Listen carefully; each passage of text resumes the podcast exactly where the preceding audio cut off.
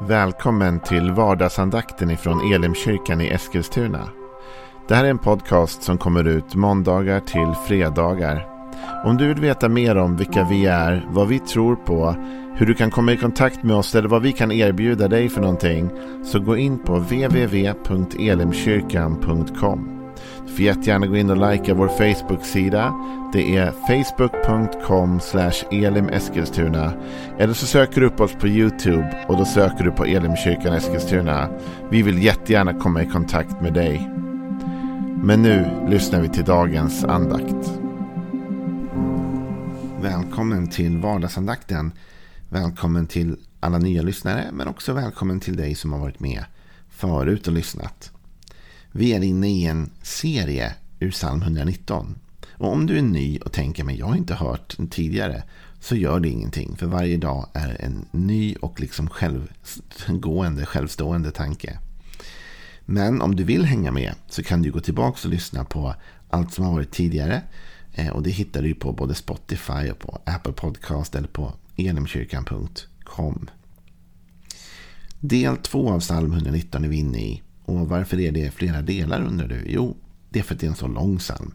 Den är jättemånga verser och författaren har i alla fall gjort det enklare för oss genom att dela upp den i olika avsnitt. Och den här veckan har vi jobbat med, och förra veckan del två. Vi kommer bli färdiga på onsdag, så slutet av veckan kommer vi göra lite annat. Men jag ville ta igenom hela och ta vers för vers. Men vi läser hela del två och det är från psalm 119, vers 9 framåt. Hur kan den som är ung hålla sitt liv rent? Genom att hålla sig till ditt ord. Jag söker dig av hela mitt hjärta. Låt mig inte villas bort från dina bud. Jag gömmer ditt ord i mitt hjärta för att jag inte ska synda mot dig. Lovad är du, Herre. Lär mig dina stadgar. Med mina läppar förkunnar jag din muns alla domar. Jag jublar över dina vittnesbördsväg som över stora skatter.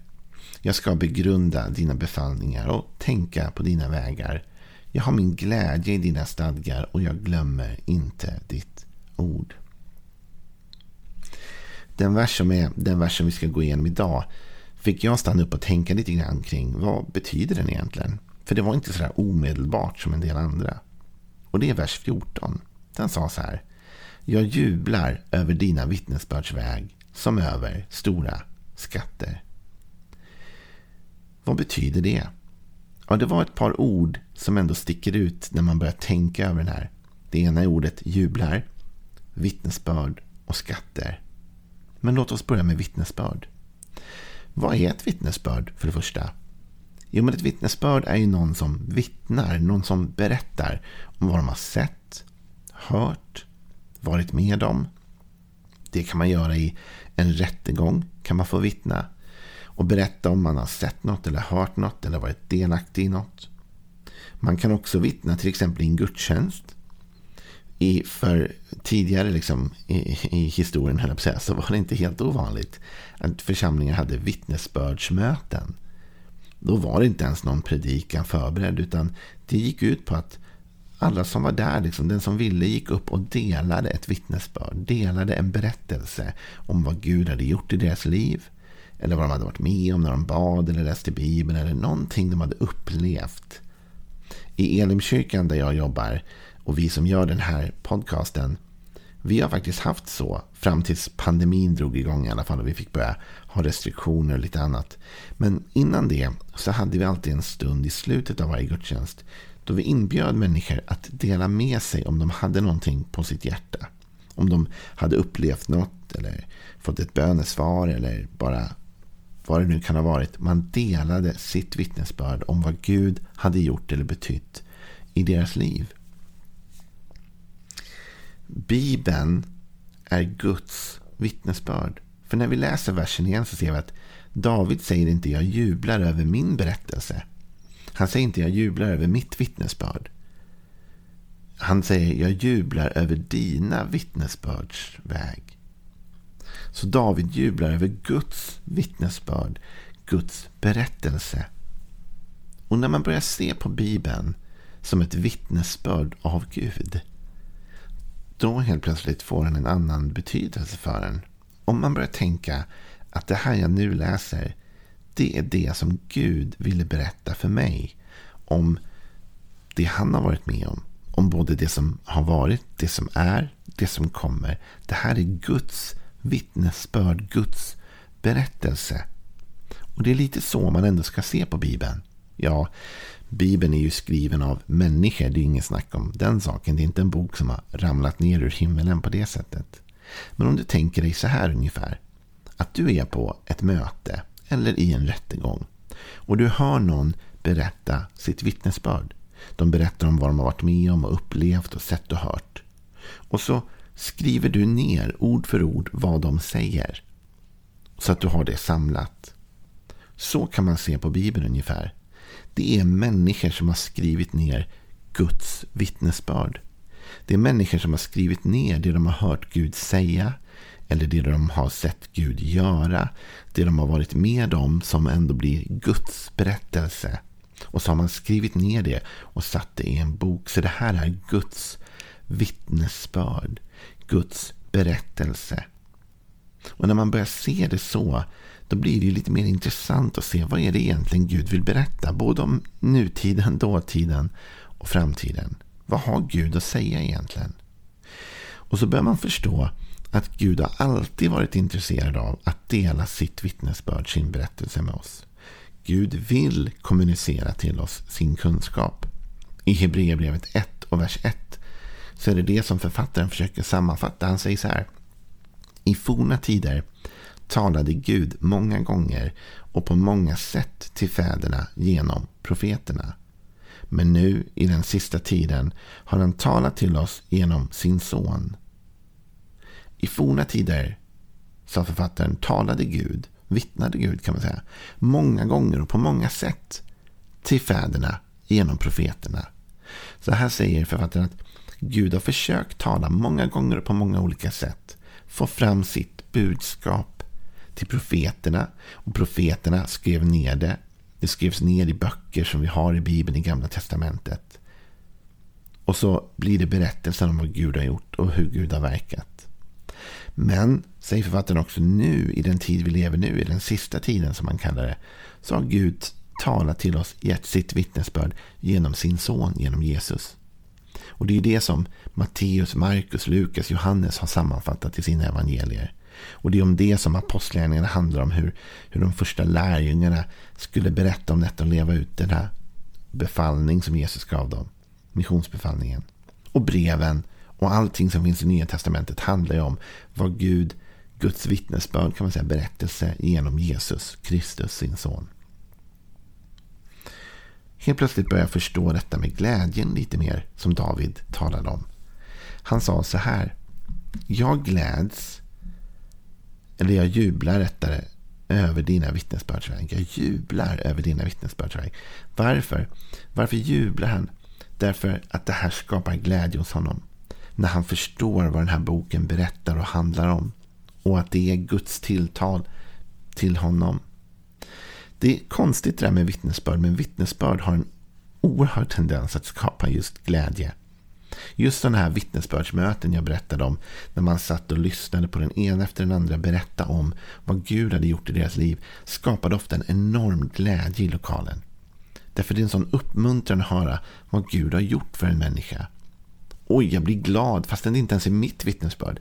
Det är ditt vittnesbörd som jag gläds över att få höra det. David han gläds över de här berättelserna. När han hör vad Gud har gjort i människors liv.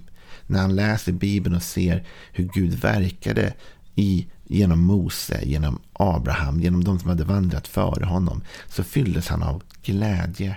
Och när du och jag läser Bibeln och ser hur Jesus behandlade människor. Vad Jesus hade att säga. Vad Jesus kom för att göra. Då fylls vi av glädje och när vi läser Bibeln på det sättet, inte som någon sorts fromhetshandling, inte som någon sorts lagisk grej som vi måste göra, utan när vi läser den för att se och förstå Gud. För när jag hör hans vittnesbörd, då förstår jag honom bättre. När jag får höra honom berätta för mig och jag lyssnar. Och Bibeln är hans vittnesbörd till oss. Och då händer något mer än bara att glädje föds. Då kommer vi till nästa ord. Jag jublar över dina vittnesbördsväg som över stora skatter. Helt plötsligt kommer det här ordet skatter in.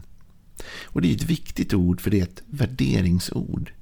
En skatt är ju någonting man värderar. En skatt är ju något som är betydelsefullt, som har ett värde. Och David säger, jag jublar över dina vittnesbörd, över din berättelse Gud. Som över en stor skatt. Det här är något som är viktigt för mig. Och det är först när Bibeln blir viktig för mig som jag kommer läsa den. Det är först när jag inser värdet av den som jag kommer göra den till en viktig del av mitt liv. Först måste jag förstå varför jag ska läsa den. Det är som med mina barn. Ibland när man säger åt dem någonting och i vissa åldrar är de väldigt envisa på det där. Man säger nu ska du göra så här eller gör så här. Och så kommer frågan varför då? Och så kräver de en förklaring innan de väljer att göra det.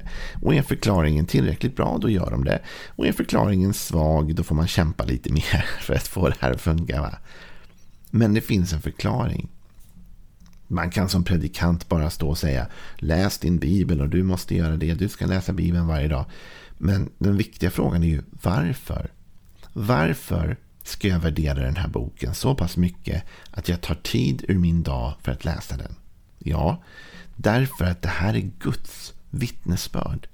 Det här är Guds berättelse. Det här är vad Gud vill säga till mänskligheten och till dig. Om både det som har varit, men också det som är just nu. Och även det som ska komma. Det här är Guds vittnesbörd om världen. Och då blir det ju oerhört spännande. När jag börjar inse det, då börjar jag värdera det. Och när jag värderar det, då tar jag det till mig. Det jag värderar gör jag ju någonstans plats för i mitt liv. I Ordspråksboken kapitel 2 så talar författaren om vishet. Och jag tänkte vi skulle lyssna på några ord om det. För han talar om hur vi bör förhålla oss till visheten. Det står så här. Min son, om du tar emot mina ord och bevarar mina bud inom dig så att ditt öra lyssnar till visheten och du böjer ditt hjärta till klokheten Ja, om du ropar efter insikten och höjer din röst efter klokheten. Om du söker den som silver och letar efter den som efter skatter. Då ska du förstå vad det är att vörda Herren och finna kunskap om Gud. Här säger författaren, om du söker den som silver och letar efter den som skatter, då ska du förstå. Om du värderar detta. Så vad är det jag vill ha sagt idag om vi skulle sammanfatta ihop den här versen lite snabbt? Jo, men vi har redan talat om i de tidigare avsnitten att för att leva rent eller rätt gentemot Gud och gentemot andra människor och även mot sig själv så är Guds ord en helt avgörande faktor faktiskt. För David sa ju det i den första versen vi läste här. Hur kan den som är ung hålla sitt liv rent genom att hålla sig till ditt ord? Men om du och jag ska hålla oss till Guds ord, då behöver vi förstå vad Guds ord är för någonting. Jo, men Guds ord är Guds vittnesbörd, hans berättelse om både det som har varit och det som är och det som kommer. Och när vi förstår att det här är Guds berättelse till mig som han har försökt förmedla många gånger och på många olika sätt. Då fylls jag av en glädje när jag läser det. För jag förstår att wow, det här är liksom Guds budskap till mig. Och när jag förstår det, då kommer jag också värdera den boken. Och när jag värderar den boken som en skatt och söker efter den som silver och letar efter den som en dyrbar skatt. Då kommer jag ta tid för den i mitt liv. Och då kommer någonting hända. Då kommer mitt liv börja bli mer rätt och rent. Därför det hjärtat fylls av, det talar munnen. Och då kommer helt plötsligt hela mitt liv styras om. Så jag vill uppmuntra dig idag. Inte bara säga läs din bibel. Utan jag vill snarare säga så här. Vet du om att bibeln är det Gud vill berätta för dig? Vet du om att bibeln är vittnesbördet som Gud har avgett om både skapelse, nutid, framtid, himmel, frälsning. Det här är Guds berättelse om allt detta. Så läs den idag så lovar jag att du kommer fyllas av glädje och hopp. Gör det så hörs vi imorgon igen. Ha en välsignad dag. Hej då!